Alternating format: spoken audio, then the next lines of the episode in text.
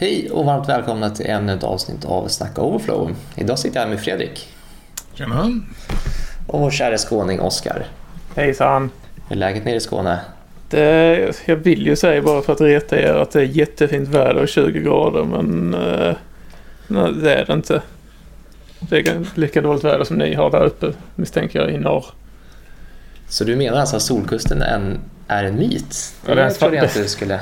Tillfällig svacka. Vår är snart Tillfällig här. svacka. Härligt. Hur är det med Fredrik då? Jo, det är lugnt. Det är... Rulla på både med liv och uppdrag. Hacka kod. Försöka hitta Ja. nya grejer och lära mig. Som Ja. vanligt. Har du gjort något kul idag? Har de gjort något kul idag? Um, Jo, ja, vänta nu här. Nej, jag löste att och löste lite buggar och hjälpte lite andra team med att komma igång med, med eh, ja, här, gemensamma NPM-paket. Satt lite Mm. möten och sånt. Satt faktiskt med mig Precis. också precis Fredrik. Du hjälpte Mm. mig med lite web components problem. Jag ställde en fråga så slutade med att jag fick sitta och köta med dig i 20 minuter.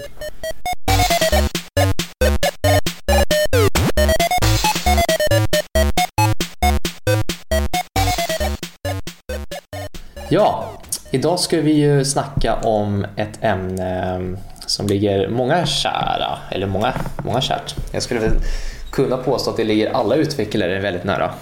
Speciellt i nutid. Och vi ska snacka idag kring varför man bör släppa ofta, vågar jag faktiskt påstå.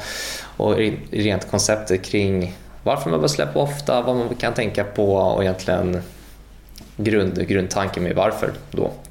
Så jag tänkte att Fredrik ska egentligen få ge lite input varför, varför vill man släppa ofta? Vad, vad tycker du Fredrik? Vad, liksom, vad är huvudanledningen till att man, man bör släppa ofta? Oj, men det finns ju väldigt många olika nivåer på. Men alltså alltid ifrån att, liksom att, ja men vi har ju gjort någonting, varför ska vi inte få värde för det så tidigt som möjligt? Det känns lite som samma sak som att du, eh, ja, men om du investerar dina pengar eller om du bara sätter dem på ett bankkonto med noll, noll ränta. Liksom att du vill ju få ut vinst av det som du har gjort. Du vill ju fixa buggar snabbt, du vill ju få saker gjorda. Ehm, det, är väl, det är väl den där idén som man... Bilden av så här, varför man ska släppa ofta, varför man vill ha continuous delivery hela vägen ut och så. Tror du att, tror du att det linjerar om vi tänker organisationsmässigt? Och om, du tänker liksom den, den klassiska IT-avdelningen och så har du liksom affärssidan. Tror du att de ser det på samma sätt, att, det är, att vi ska få ut saker för att få, få värde så snabbt som möjligt? Oh, det, det, det, både ja och nej samtidigt, tycker jag, är, är min erfarenhet av det här. Det är, alltså att, det är ofta så att det finns, man, man kan leva i en, en sorts så här parallellvärld där the business både är jättemån av att någonting ska ut nu och samtidigt hålla tillbaka och säga att vi får inte släppa saker för snabbt eller okontrollerat.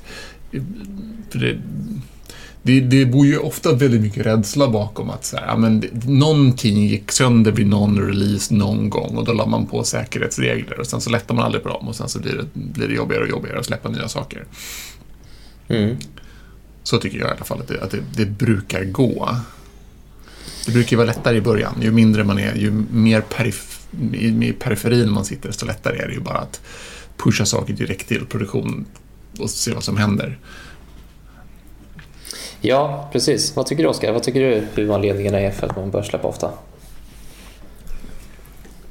Jag, jag stämmer lite i, så som du öppnade. Alltså, jag tycker att man ska släppa ofta mest liksom baserat på en känsla jag har som är så himla svår att bevisa.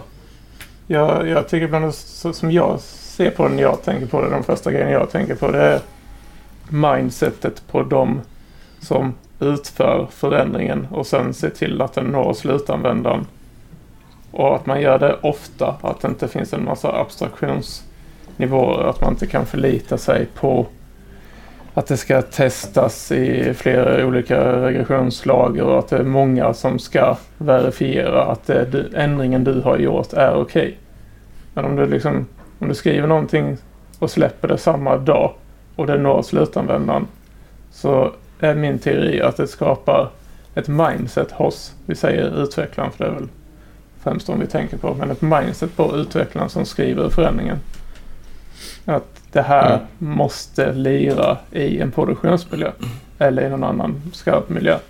Det, det, det, jag måste kanske ha skrivit eh, eh, någon form av tester. Jag måste ha tänkt på det här. Jag kan liksom inte bara förlita mig på att någon annan kommer hitta bristerna som jag inte har varit tillräckligt noga när jag skriver det. Så att jag, alltså jag skulle säga att dels kvalitet rent kodmässigt men också kvaliteten på teamet. Eller om man, ja, vissa sitter ju själv, men kvaliteten på dig som individ som skriver förändringen i helhet eh, tycker jag eh, blir bättre om man släpper oftare. För annars blir det lätt att man sitter på sin kammare, menar jag då, och Mm. bara trycker ifrån sig grejer för att man kanske är lite slarvig för om det ska ändå testas och det ska inte släppas för om ett kvartal. Det ska inte...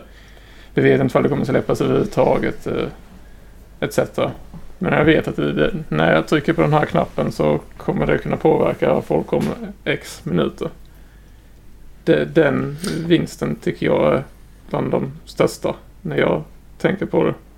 Och den är svår att förklara, som du var inne på Andreas, för folk som kanske inte utvecklar, som kanske håller i pengar, pengapåsen, eller hur man uttrycker det. Ja, precis. Och det- Och jag, jag tror att, jag det tror är att den- det... Ja, för det, den, den tycker jag är svårast att förklara uppåt, om man säger så. Och där man- tror jag att det liksom är ett, ett gap mellan oss på liksom utvecklingsavdelningen och affärssidan. För jag menar, nu har vi suttit och pratat om att vi, vi vill släppa fort för att få ut saker snabbt i produktion. Och för en, liksom en, en icke-IT-människa så kan ju det säga att oh, nu kommer de kommer släppa nya features som kommer liksom dra ner min applikation eller kommer påverka designen, kommer ändras, allt möjligt. Men när vi, det vi egentligen pratar om det är ju att släppa kod till produktion, den behöver inte ens vara aktiverad. Det är egentligen det vi pratar om, eller hur? Det, Vi pratar ju inte nödvändigtvis om att vi ska släppa kod som kommer in och påverkar direkt, utan det, det handlar ju om att bara att vi vill kunna få ut, och det kan ju vara liksom, vi vill kunna få ut features så fort som möjligt för att det ska ligga i produktion som vi kan i bästa mening eh, toggla med en feature toggle och testa själva och se att det funkar i en produktionsmiljö innan det faktiskt går ut och eh, påverkar en kund. Det är väl det vi är inne på, eller hur? Ja, eh, och det slog mig när, när du sa det. Liksom, jag tror det är ett, ett problem ligger i vad ordet release eller släpp på svenska är synonymt med Mm. folk som inte jobbar med utveckling. För du nämnde ju direkt Exakt. en grej här, liksom flaggor, featureflaggor. Det är kanske inte alla bekanta med. Nej, men jag tycker att det är ett ständigt problem. I alla fall alla uppdrag jag har varit i. Det är liksom när man pratar om release och deploy. Allting är, liksom, det är samma ord för, för en, kanske en testledare eller någon som på stora organisationer, liksom en, en, en, eh, jag vet att Fredrik har det på, på sitt uppdrag, en, liksom en cub som ska liksom signa av med sitt, sitt blod nästan för att man ska få, få släppa saker. Men jag tycker att det är intressant i alla fall, de diskussionerna. Varje gång jag pratar med till exempel en testledare som en regressionstestare som ska gå igenom att se att det nya funkar och det gamla funkar. Men så fort man nämner ordet release så blir det så här, app, app, app, app. Nej, nu drar vi handbromsen lite. Vi ska inte släppa någonting som påverkar utan att jag har verifierat att det fungerar. Det är den mentaliteten jag ofta stöter på i, i mina uppdrag, att de, de som är tester eller de som är det spelar ingen roll vilken titel man har, om man är projektledare eller produktägare eller vad som helst, men det är alltid någon som måste signa av och verifiera att det funkar och det är inte det vi är ute efter. Vi är ute efter att få ut features men i produktion som vi kan testa men som vi sen kan verifiera i produktionsmiljö för att kunna slå på. Mm. För det, det blir ju...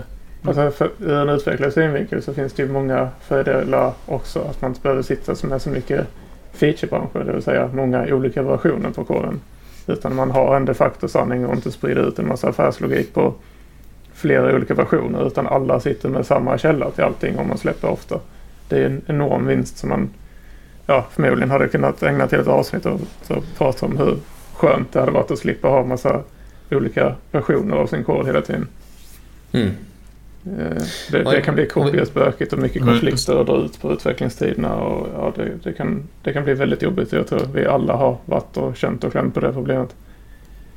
Eh, Men jag tycker det här är en sak som, som syns. Jag tycker att det här är möjligheten att, att släppa ofta, ofta spe- återspeglar någon sorts maktbalans inom eh, Eh, teamet. Att, för jag har varit med om både team där där business är den som sitter och säger nej, vi ska antingen sitter och säger ni måste släppa saker nu, de features som vi vill ha, vi vill ha dem nu. Eller nej, ni får inte släppa någonting förrän vi har granskat det. Men jag har också varit med i team där business är för svaga och låter sig köras över av, av utvecklare eller projektledare eller arkitekter som säger att någonting är viktigt, vi måste göra det här. Och så säger de okej, okay, okej. Okay. Och, och, där är det oftast mycket lättare att bara så här, man bara kör rakt ut i produktion för att det är ingen som vågar säga emot. Och det har ju nackdelar det också. Men jag har ett, jag har ett specialfall ett, en, som, som som inte liksom riktigt går in på exakt samma sak, men en anledning till varför vi släppte ett uppdrag som jag var på för länge, länge sedan, varför vi släppte två gånger om året. Det var för att den organisationen sa att vi kan inte släppa en ny feature, okej, okay, förutom pyttesmå features, men vi kan i princip inte släppa features utan att hålla officiell utbildning kring features. Så hela personalstyrkan skulle tas ur, ur, ur skift i två dagar och gå utbildning på de nya sakerna. Och det här gjorde man två gånger om året. Så det var ju väldigt old school. Liksom. Där hade ni kunnat gå bakom ryggen på management och featureflaggat nya feature och bara releasa ja, men, men, men det, det, gjorde vi och det, det var helt okej okay att vi gjorde det också. Okay. Det var bara vi fick, inte, vi fick inte släppa större features. Det var helt okej okay att vi släppte små bugfixar och lite så här. Vi, vi, vi, fixade saker hela tiden. Men det var mycket saker som låg liksom och väntade i en hög och så släppte man dem en till de här releasefönstren då, till, till utbildningen. Mm. Det där är faktiskt är eh, inne på någonting som blir svårare när man släpper ofta hur man vrider och tänker på det, tänker jag. Hur man kommunicerar förändringarna till slutanvändaren. Yes. För det, Den är jättesvår. Det, det, då, det kräver ju, beroende på projektet, men det kräver ju mer kommunikation mellan de som skriver koden och släpper koden och de som kommunicerar med slutanvändaren, vilka nu det än är. Alltså det, det, det kräver ju nästan något form av protokoll för hur man, eh, hur man berättar att någonting, och det kanske man kanske, jag tycker kanske att man ackumulerar en ny feature och man kan släppa den i många små steg och sen när man anser att den är helt färdig, då kan man kommunicera det. Det där, det här missförståndet mellan release och release. Att bara för att mm. jag har releasat någonting rent kodmässigt så betyder inte det att jag har releasat en feature. Men, men den känns ju som en, sån här, en, liksom en, en teamkultur att sätta. Att man ska... Om, om man kan få in det i teamet, att alla är med på att deploya och release två olika saker. Alltså vi kan deploya saker som inte är releasade, om jag har förstått uttrycket rätt. Alltså mm. vi kan få ut kod mm. i produktion, ja. men den är borttogglad. Och sen togglar vi på den när vi tycker att vi är redo. Om, om, man kan sätta den kulturen så att när en ny, en ny utvecklare kommer in så kommer business-sidan och säger den här, de, de fattar. Det här är, det här är en lista på saker som är, som är deployade men inte releasade. Och så vet de själva och, och vet vilka feature toggles det är. Kan man få in den kulturen så är det. Men, men samtidigt, man, man är fortfarande inte skyddad ifrån den här skräcken. Alltså, att deploya någonting, även om det är avsteg med en feature toggle, bär fortfarande med sig en risk att något smäller. Absolut. För vi är ju inte, vi är ju liksom inte, vi är inte perfekta. Det går ju alltid att, även om man tycker att man har gjort en bra feature toggle så har man någon nullvariabel någonstans som man inte kontrollerar och sen smäller det. Så är det och det är risker i allting. Det, är väl bara, det handlar väl egentligen om att minimera risken och se liksom att risken blir så liten som möjligt som man kan leva med. Om vi, om vi snackar lite om, om konceptet om, om att släppa ofta. Vi, vi säger hela tiden att vi ska släppa ofta, men tycker ni att det är den bästa setupen att när en feature är klar, att den ska gå ut i produktion? Eller finns det tillfällen då ni skulle kanske vilja se lite mer organiserade releaseflöden? vi, kan ju, vi kan ju ta som exempel så en gång i veckan, två gånger i veckan. Finns det exempel på projekt där ni ser att det finns den fördelen? Ja, absolut. Jag skulle generellt sett föredra släpp saker när de är klara. Ibland kanske man måste bundla massor med features för att, de, för att man släpper en, en ny sida med massor med nya grejer på. Den kanske inte liksom, det kanske inte det kanske inte, det helt, det kanske inte spelar någon roll, eller den är helt mm. irrelevant mm. om inte den funkar i sin helhet. Så det, det blir förståeligt. Men jag, jag, tycker man generellt sett ska releasa någonting klart. Men det finns ju gott om verksamheter som har egna cykliska beteenden av att det är liksom det händer saker på helgen eller det händer saker i, i lön, när folk får lön eller det liksom, det är att, att, release, att det finns säkrare releasefönster som man kan hålla sig till. Och, och, och då kan det vara vettigt. Liksom, att ja, men vi gör releaser på måndag morgon för att de flesta mm. gör sina grejer på helgen. Det, det, finns ju gott om verksamheter som fungerar, fungerar på det sättet. Liksom. Ja, Vad tycker du, Oskar? Jag, jag kämpade med detta på mitt förra uppdrag. Jag var en stark motståndare när man introducerade att man skulle ha fasta releasecykler. Jag uttryckte många gånger att i just detta projektet så gav det en inbillad bild av kontroll. Att, och var det de, ett, de, de, de ett tyckande från din sida eller fanns det liksom något, något argument för det rent, rent praktiskt? Ja, jag menade på att de var ute efter att de ville veta när de skulle kunna förmedla till sina kravställare ovanför. För att det var en ganska komplex hierarkisk struktur rent affärsmässigt mm. på det företaget. Eh, det var ju att de ville ha kontroll på att de kunde säga vad som är släppt när.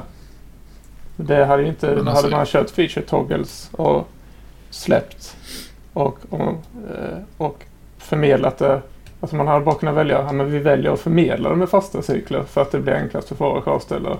Men vi låter inte de affärsgraden prägla utvecklingen så vi behöver sitta med flera versioner av allt hela tiden. För det var det det mynnade ut i. Är det inte... Alltså, det är så fruktansvärt lockande att bara köra gerillakrigföring där. Alltså att ja, var... vi, releasar, vi, vi releasar saker till produktion kontinuerligt och så feature-togglar vi det. Sen talar vi bara inte om att vi feature-togglar det. Och så togglar vi på den när de säger att de ska releasa det. För är det någon, en hybridlösning som jag egentligen tycker låter mest sane, det är att ha stenhårda tester som kontrollerar att, att saker och ting liksom funkar. Alltså, du skulle, du skulle kunna köra screenshot-testning vid varje ny deploy som säger ingenting får ändra på sig överhuvudtaget.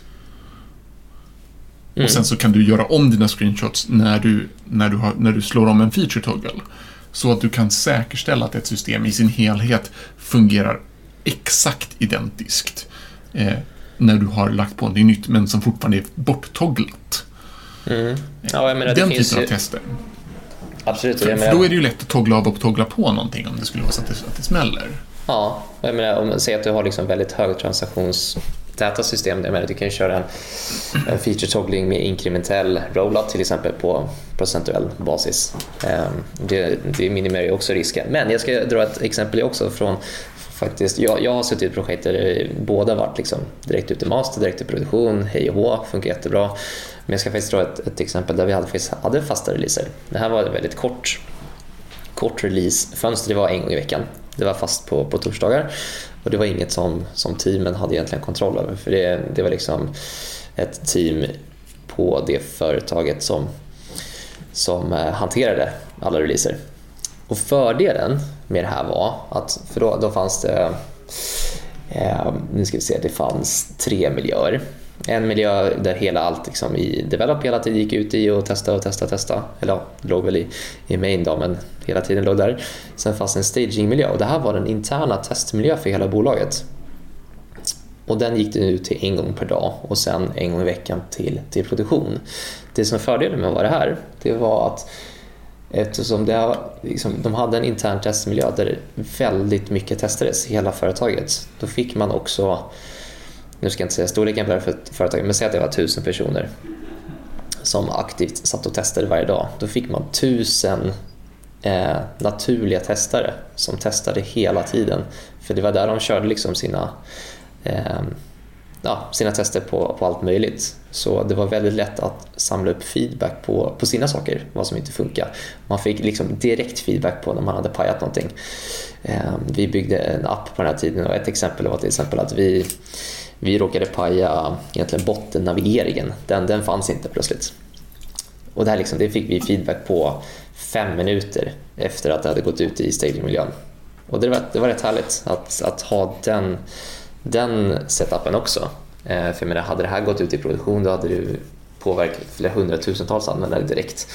Men eftersom vi hade då fasta releasecyklar så så fick vi den naturliga användarbasen. Men det där går ju att lösa såklart med inkrementell rollout och feature allt, hela verktygslådan som vi har varit inne på.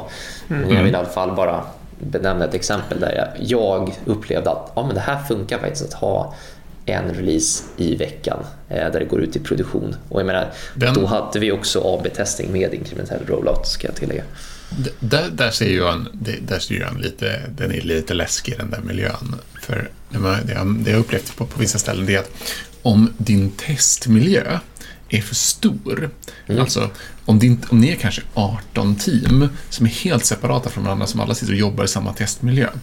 Om du skjuter sönder testmiljön, då stannar hela utvecklingsorganisationen på hela bolaget. Ja. Och speciellt om du sitter på en core-funktion. Om du, om du skjuter sönder inloggningsförfarandet i testmiljön, då har du kanske 200 utvecklare som inte kan arbeta på, på den tid det tar tills du löser det här.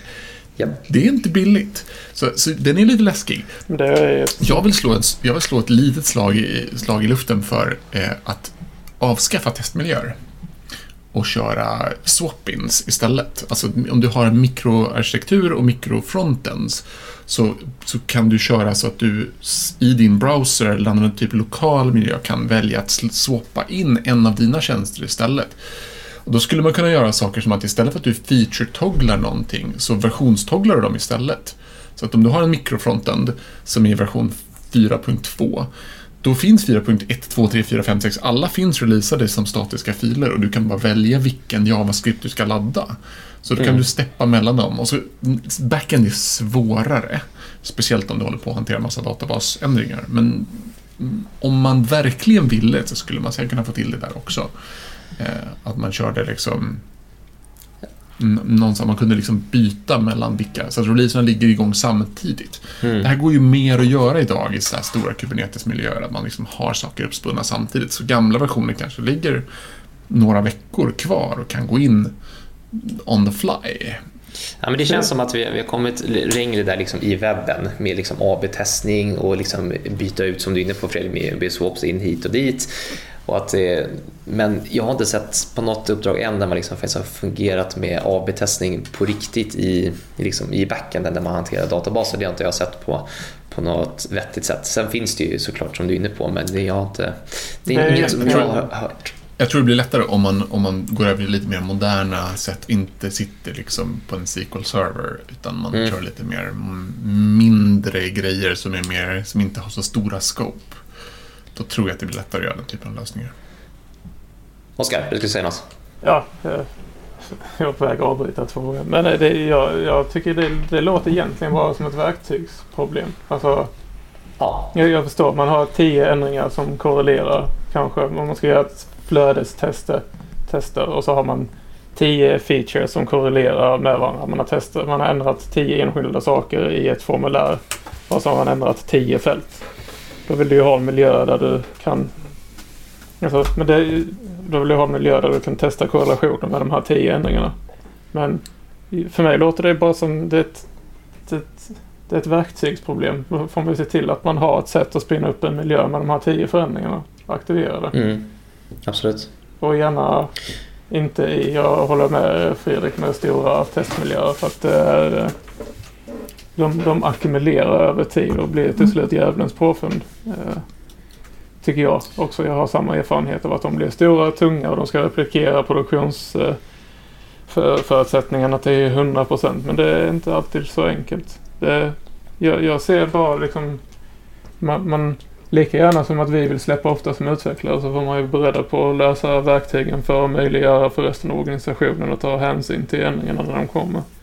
Det, det är Absolut. lätt att bara säga att vi ska releasa ofta, sen får alla anpassa sig. Men det, det, det man glömmer bort oftast att det innefattar, kan innefatta extremt mycket förändringar för utvecklare också. Alltså att man måste tänka Mm. annorlunda på hur, hur du exponerar dina ändringar för resten av organisationen. Jag tänker på en annan... Vi, vi har ju rakt upp och ner förutsatt att det är vi som äger deploymenten. Mm. Alltså, eh, och, det, det stämmer ju för backend-applikationer och webbapplikationer.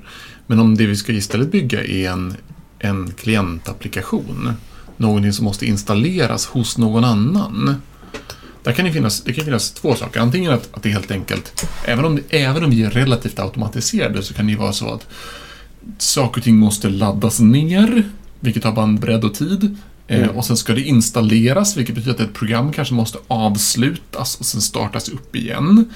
Och det vill du kanske inte göra fyra gånger om dagen om du kör ett journalsystem på ett sjukhus eller en liksom, terminal i en kassa i en butik eller något, annat. Liksom. Det, det kan ju vara irriterande.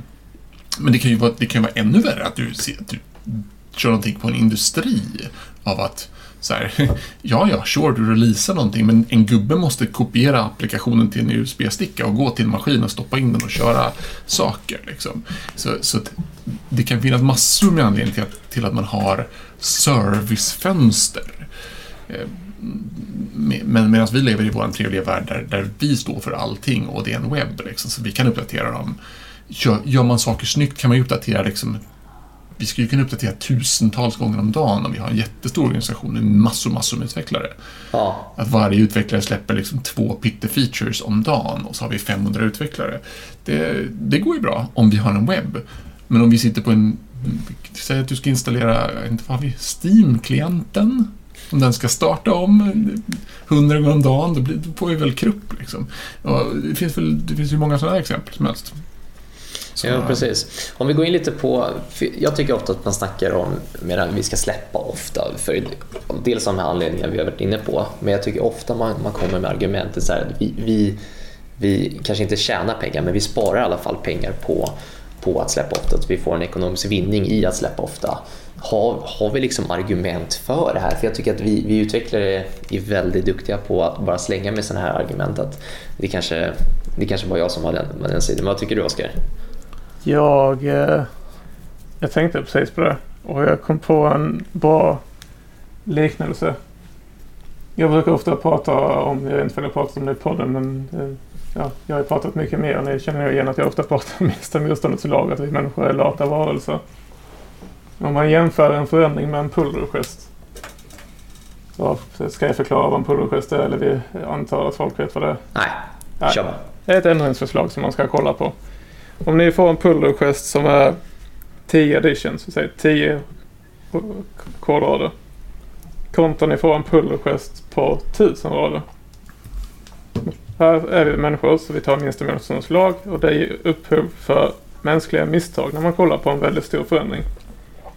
Det är mycket enklare att förstå och dra slutsatser kring att en ändring på 10 rader är mindre skadlig än den på 1000 rader. För på den på 1000 rader, för att du är en människa, så kommer du troligtvis missa eller slarva med någonting.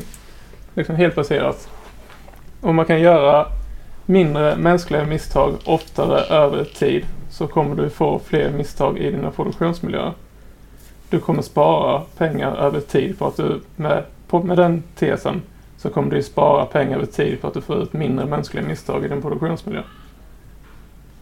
Jag tycker man kan jämföra med det för att om du mer överskådliga små ändringar ofta som man kan lättare få en bild av vad den ändringen är och så släpper den ofta än att du ska släppa stora sjok en gång i kvartalet där det är helt Mm. omöjligt för en person att få en insikt i.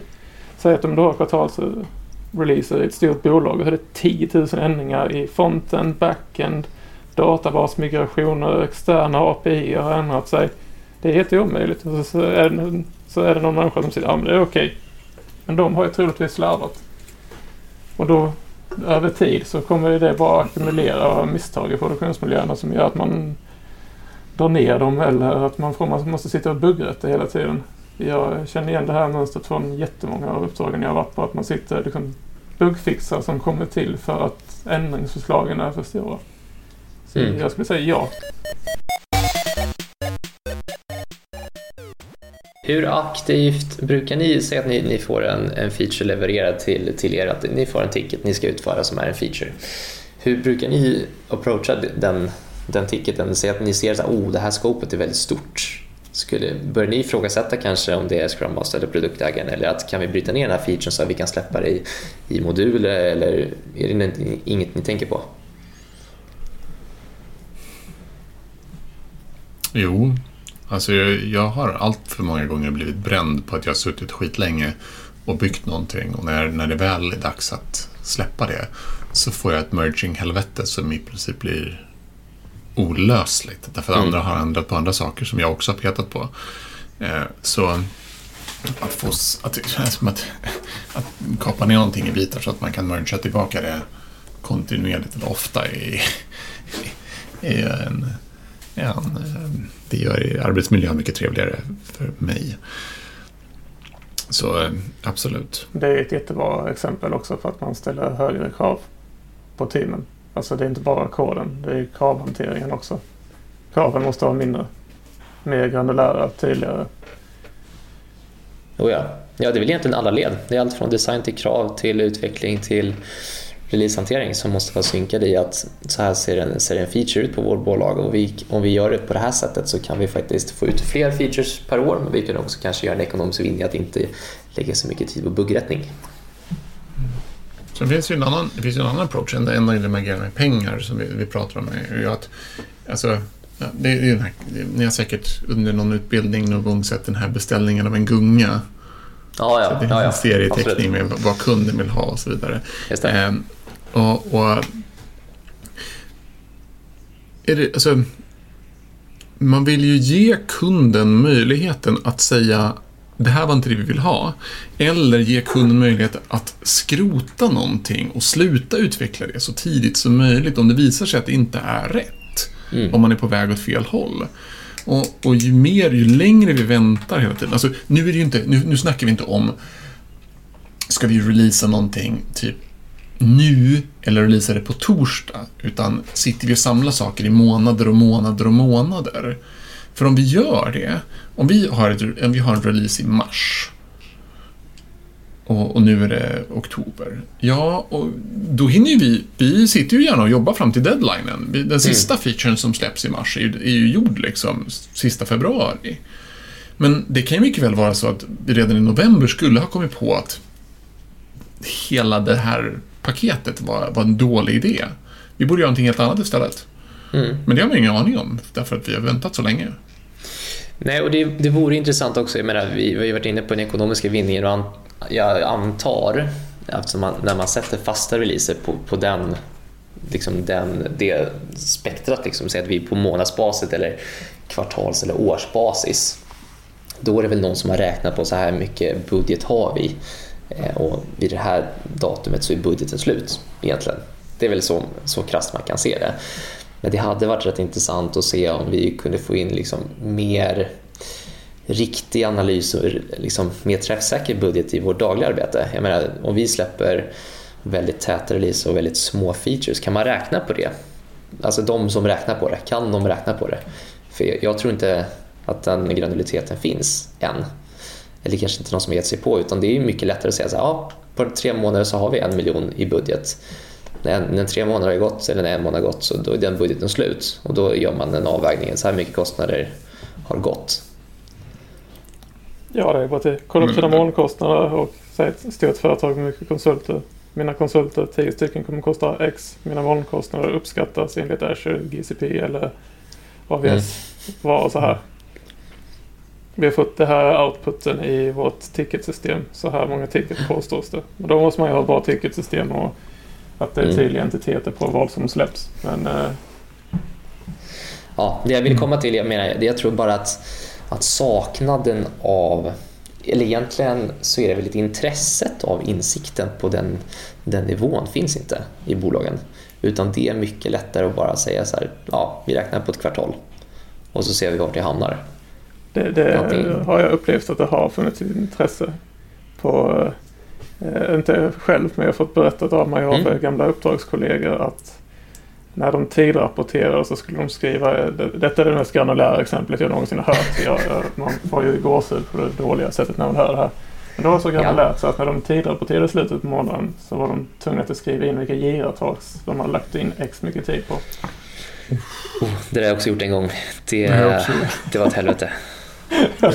Ja, men det, då blir det micromanaging på Ja, så ja. makroekonomi sprider sig in i re- redovisningen av ens tid. Det, är liksom, det, det kostar mer än det smakar. Alltså, Det, det är Ja, ju jag menar, det är inte, välvilja. och det är inte Alltså, träffsäkert för fem öre. För jag menar, Oskar, du, du är inne på att, att människan tar ju den lata vägen. Och jag, menar, jag vet inte hur ni gör, men jag brukar tidsrapportera i slutet av någonting.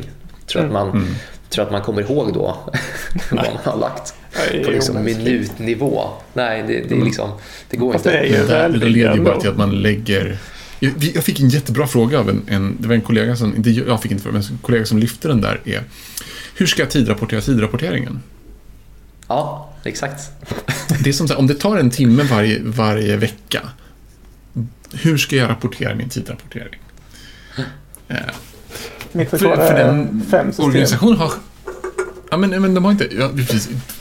Men, men jag, jag har ett motexempel i precis andra i makroriktningen. Det var en, en kille som jag pluggade med skitlänge sedan som berättade han kom och var liksom så här, han var typ helt likblek och var arg. Företaget han jobbade på, ett jättestort bolag, hade köpt in eh, CAD-mjukvara till licens till hela bolaget. Oj. Hundrat, alltså det var liksom hundratals miljoner, eller massor med miljoner i kostnad, licenskostnader för det här. Men de hade licenser för hela bolaget. Alla fick använda det. Det var bara det att för att göra upp om hur det här skulle betalas så la de upp att de skulle ha intern budgetera de, de delar av bolaget som ville använda det fick vara med och finansiera det här. Vilket ledde till att delar av bolaget som skulle kunna ha nytta av mjukvaran som vi redan har köpt in valde att inte använda den därför att de inte ville belasta sin egen internbudget. Exakt. Ja, det är så fantastiskt. Det där är det klassiska exemplet när alla vill ha det. Men nej, vänta, det kommer påverka min budget. Nej, jag vill ha det. Det, det får ni ta. Ta det själv. Det är så klassiskt. Det är liksom som en het potatis som, liksom, som får eld så fort den är i luften och ingen vill fånga den. Ja. Men, men just det där så här, vi har redan betalat för det. Ja, Alla, alla, är sam, alla pengar är samma pengar egentligen. Men, men det, det knyter tillbaka lite där. Alltså, vi har ju pratat så otroligt många år om att man vill få business in i utvecklingsteamen. Alltså att, att man jobbar tajtare med varandra. Och det är då, när, när businessägare faktiskt förstår vad en feature är och de också har en idé och en vision om varför den ska ut och vad de vill ha den till. Det är också då som snabbare releaser blir vettiga. När någon som äger featuren, när någon som bad om den, också själv kan liksom följa den och bara yes, jag vill få ut min grej, och så kan de klicka den och toggla på den och liksom så här, nu har vi fått prylen som var bra av någon anledning. Mm. Eh, Då, blir, då tror jag också det, det blir lättare. Medan om, om man har det här, det här avståndstagandet mellan business och, och, och IT som ofta uppstår, att det är några som de kommer på något möte någon gång varannan vecka och frågar "Ha, hur går det för er nu då? Ha, ha, ha. Eh, men då är det klart att man releasar en gång i månaden, för de, de har ju de har ingen insikt. Eller liksom, de har Nej. ju gett över en, en uppgift som de har skrivit på Gira. Liksom. det måste också vara genomgående i den här podden. Jag menar, vi, vi, vi skämtar rätt, rätt friskt om, om business, hur business är. Det hade varit kul att höra hur business ser på utveckling. Ja, jag, Om de också- det samma Det är så. här kommer utvecklarna. Och det hade vi, jag tänker att vi måste få in lite businesspersoner här och, och ge det, det perspektivet på oss. Låt mig gissa. När vi säger, säger åh, nu kommer business, de tror att de är någonting. Business, de säger det luktar utvecklare. De kommer nära, när har de krupit ur sin källare. Det är så här sunkiga små... Just det, sunkiga små. Men jag tänker att det, Men- men- kanske... Men, du, men det här är, det är otroligt olika för organisation. Jag, en av de bästa businessägarna jag haft var IT-chefen på ett uppdrag. Vi var ganska få i IT-organisationen. IT-chefen gav frivilligt upp sitt kontor och satte sig i vårt kontorslandskap för att han ville kunna vara med och bara så här snacka med dem som var där och vara så här bara glad och positiv. Eh, vi hade ändå så här, jättemycket utbyte, men han ville sitta nära för att det var roligare, liksom, trots att han Ja. hade ett eget kon- fint kontor. Och sa så här, ni får använda mitt kontor som telefonrum. Men, men det, är en bra, det, det tycker jag är en bra idé att ha. Ja, men okej, Absolut. jag sitter med folk, jag kan prata med dem, jag kan höra vad som händer och, och, och är det något man kan göra? Liksom? Ja, jag håller med. Och jag tänker att det är där vi ska dra strecket för dagens avsnitt. Men vi ska faktiskt göra lite reklam idag för vår egen utvecklarkonferens som går av stapeln den 8 december detta år i Stockholm.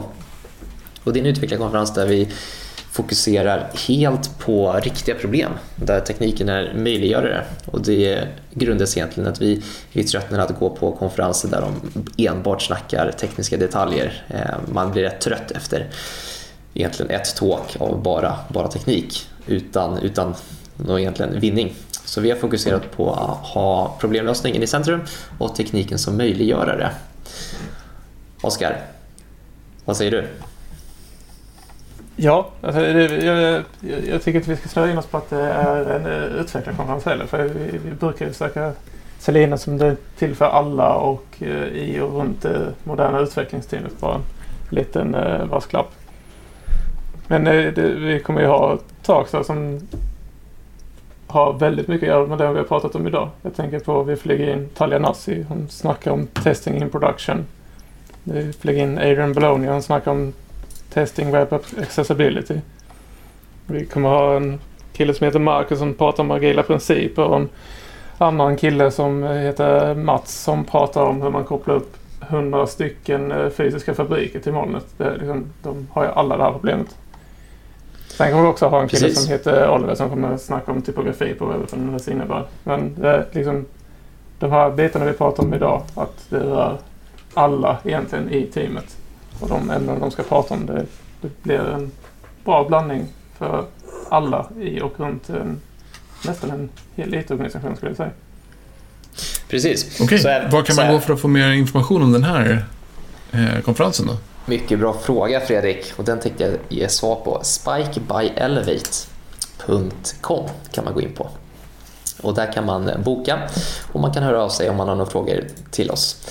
Vi, eh, vi tror verkligen på det här konceptet. Eh, vi körde förra året och nu kör vi det även för externa personer i egentligen hela Sverige. Den kommer sändas på engelska och kommer vara ett single track under en hel dag med lite, efter, lite efterfest på, på kontor här i Stockholm. Så gå in där och läs mer. Grymt. Grymt. Och då för att nu har vi följt lite business, men jag menar business är även, även välkomna på den här konferensen och vi tror att management inom IT kommer kunna dra nytta av det här. Eh, vi snackar ju som sagt med tekniken som möjliggör på problem och inte tekniken som i sig ska lösa problem. Ja! Jag tänkte att vi skulle gå över till Mattias favorit i den här, i den här podden. Men det, är hans, det här är hans hjärta i Snack Overflow. Vi ska gå in på veckans tips. Jag tänkte Fredrik ska få börja. Oh, vad har jag idag? Ja, men det kan jag ju ta som, som veckans tips. Eh, jag, någon gång i, i början på, förra, på, på det här året så beställde jag den här Steam Deck. Just handhållna Linux-spelkonsolen. Och nu sen bara ganska nyligen så har de tagit bort väntetiden och det är typ två veckors leveranstid så om folk är intresserade av att eh, beställa den så går det nu att göra utan att behöva sitta och vänta ett halvår. Det tycker jag var coolt. Snyggt. Du då, Oskar? Uh, ni har sett en del med Terraform, va? Ja. Ni har sett en del med Terraform mot Azure kanske, till och med? Ja. Och de som har suttit med Azure vet att det är bökigt att uh, vissa resurser kräver unika resursnamn över hela subscriptionen. Återigen, ja. Ja, och det kan vara ganska bökigt. Jag har suttit en del med Terraform nu det sista halvåret men märkte igår att Terraform har en egen provider som man kan använda oavsett service som heter Random Provider. Känner ni till den? Nej, det har jag faktiskt inte Så när man, kör, man drar in den och så skapar man att jag vill skapa ett random ID och eh, den ska vara, ha en byte length på 8 typ. Det är grundkonceptet. Och så kan den skapa upp olika entiteter som blir strängar som man kan använda i så typ om du har satt upp Terraform för att skapa upp en uh, miljö och sen så vill du skapa en testmiljö och prefixa eller suffixa alla resurserna för att den ska krocka. Då har de liksom yeah. random id, random integer, random password och sen har de en random pet som tar fram med pet names. Bara för att liksom göra, göra det enkelt och det, det kan vara ganska jobbigt att injicera utifrån för det gjorde jag på vissa resurser innan. Eh, för att jag inte mm. visste bättre. Men det här är liksom typiskt så här, olika krångliga Azure-resurser som är jättepetiga med namn och så sitter man och svär för att de får bara vara 24 tecken långa. De får Och de måste vara unika och då blir man ju tokig. Och de får inte ha några konton, får bara ja, ja. ha alfabetiska och numeriska tecken. Så sitter man och svär. Och sen hittar jag den här providern som genererar dem dynamiskt. Eh, sparat mig enormt mycket tid och frustration. Så det kan jag tipsa varmt om alla som sitter och strular med därifrån. Schysst. Jag kommer ihåg att när jag hade det där problemet så byggde jag nog ingen sån random generator i, i Terraform. Ja, jag var på väg att göra det tills jag googlade Ja. lite. Jag var, jag var, mina Google skills var väl för dåliga vid tillfället, skulle jag gissa på. Jag tror den är ganska ny Ja. till ditt försvar. Så, Ja, ja kanske. Ja, det var ju ändå, vad var det nu, två år sedan jag satt med Terraform. ja, så då det fanns kanske, den inte. Nej, så då var det inte så fel av mig då. Nej. Gött. Eh, vad ska jag tipsa om idag? Vad har jag lärt mig sista veckan? Du kanske har läst en Mm. bok? Du brukar läsa böcker. Ja, men jag har inte gjort det den här veckan. Det har varit lite, annat. Men jag har blivit... Eh, ja, det kan jag väl säga. Men som sagt, det är ju oftast inget, inget tips eller så. Men jag har blivit lite intresserad av att se vad det finns för liksom JavaScript-patterns runt om i, i branschen som används. Så nu började jag ett nytt uppdrag för, för tre veckor sedan och såg ett, ett pattern som så här, det här känner jag igen, men jag har aldrig sett någon använda det. Um, och då egentligen, det kallas builder, builder pattern. Och det kan appliceras på vilket språk som helst såklart, men det gör att man får ett det kallas ett fluent API va? när man liksom kan få tillbaka sin egen referens hela tiden och bygga på. Um, men då började jag läsa kring, kring andra, nu ser jag på Oskar att han förstår inte alls vad jag pratar om. Men Builder pattern brukar vara att bygga eh, Fick ni- builder.apply.apply.apply.apply. Att du får hela tiden får tillbaka referensen till objektet som har, som har gjort den senaste förändringen. Mm. Eh, precis, men då, då började jag såklart tänka så här, Åh, vad fan är det här? Men det var ändå rätt, det var trevligt att, att jobba med så jag skulle vilja ge ett litet slag för det builder pattern. Det är lite, lite boilerplateigt, eh, speciellt som om man kommer in som JavaScript liksom, människa så tänker man så här, oh, det här är för uppstyrt, bort, bort, bort. Men eh, jag skulle ge, vilja ge ett slag för det faktiskt. Jag börjar, jag börjar gilla det mer och mer. Sen har vi ett tips också. Bike by helvete. Vi har sjukt Exakt. bra talare in och boka biljetter. Det kommer bli så nice. Eh, Vi har Ja. lagt ner mycket jobb för att få till det här startfältet. Är Keynote-material för alla. Så att in och boka. Ja, och vi vågar påstå att det här slår alla techkonferenser i Stockholm under 2022 och deras lineup. Så gå in och boka missa inte en biljett till det. Hej! Hej!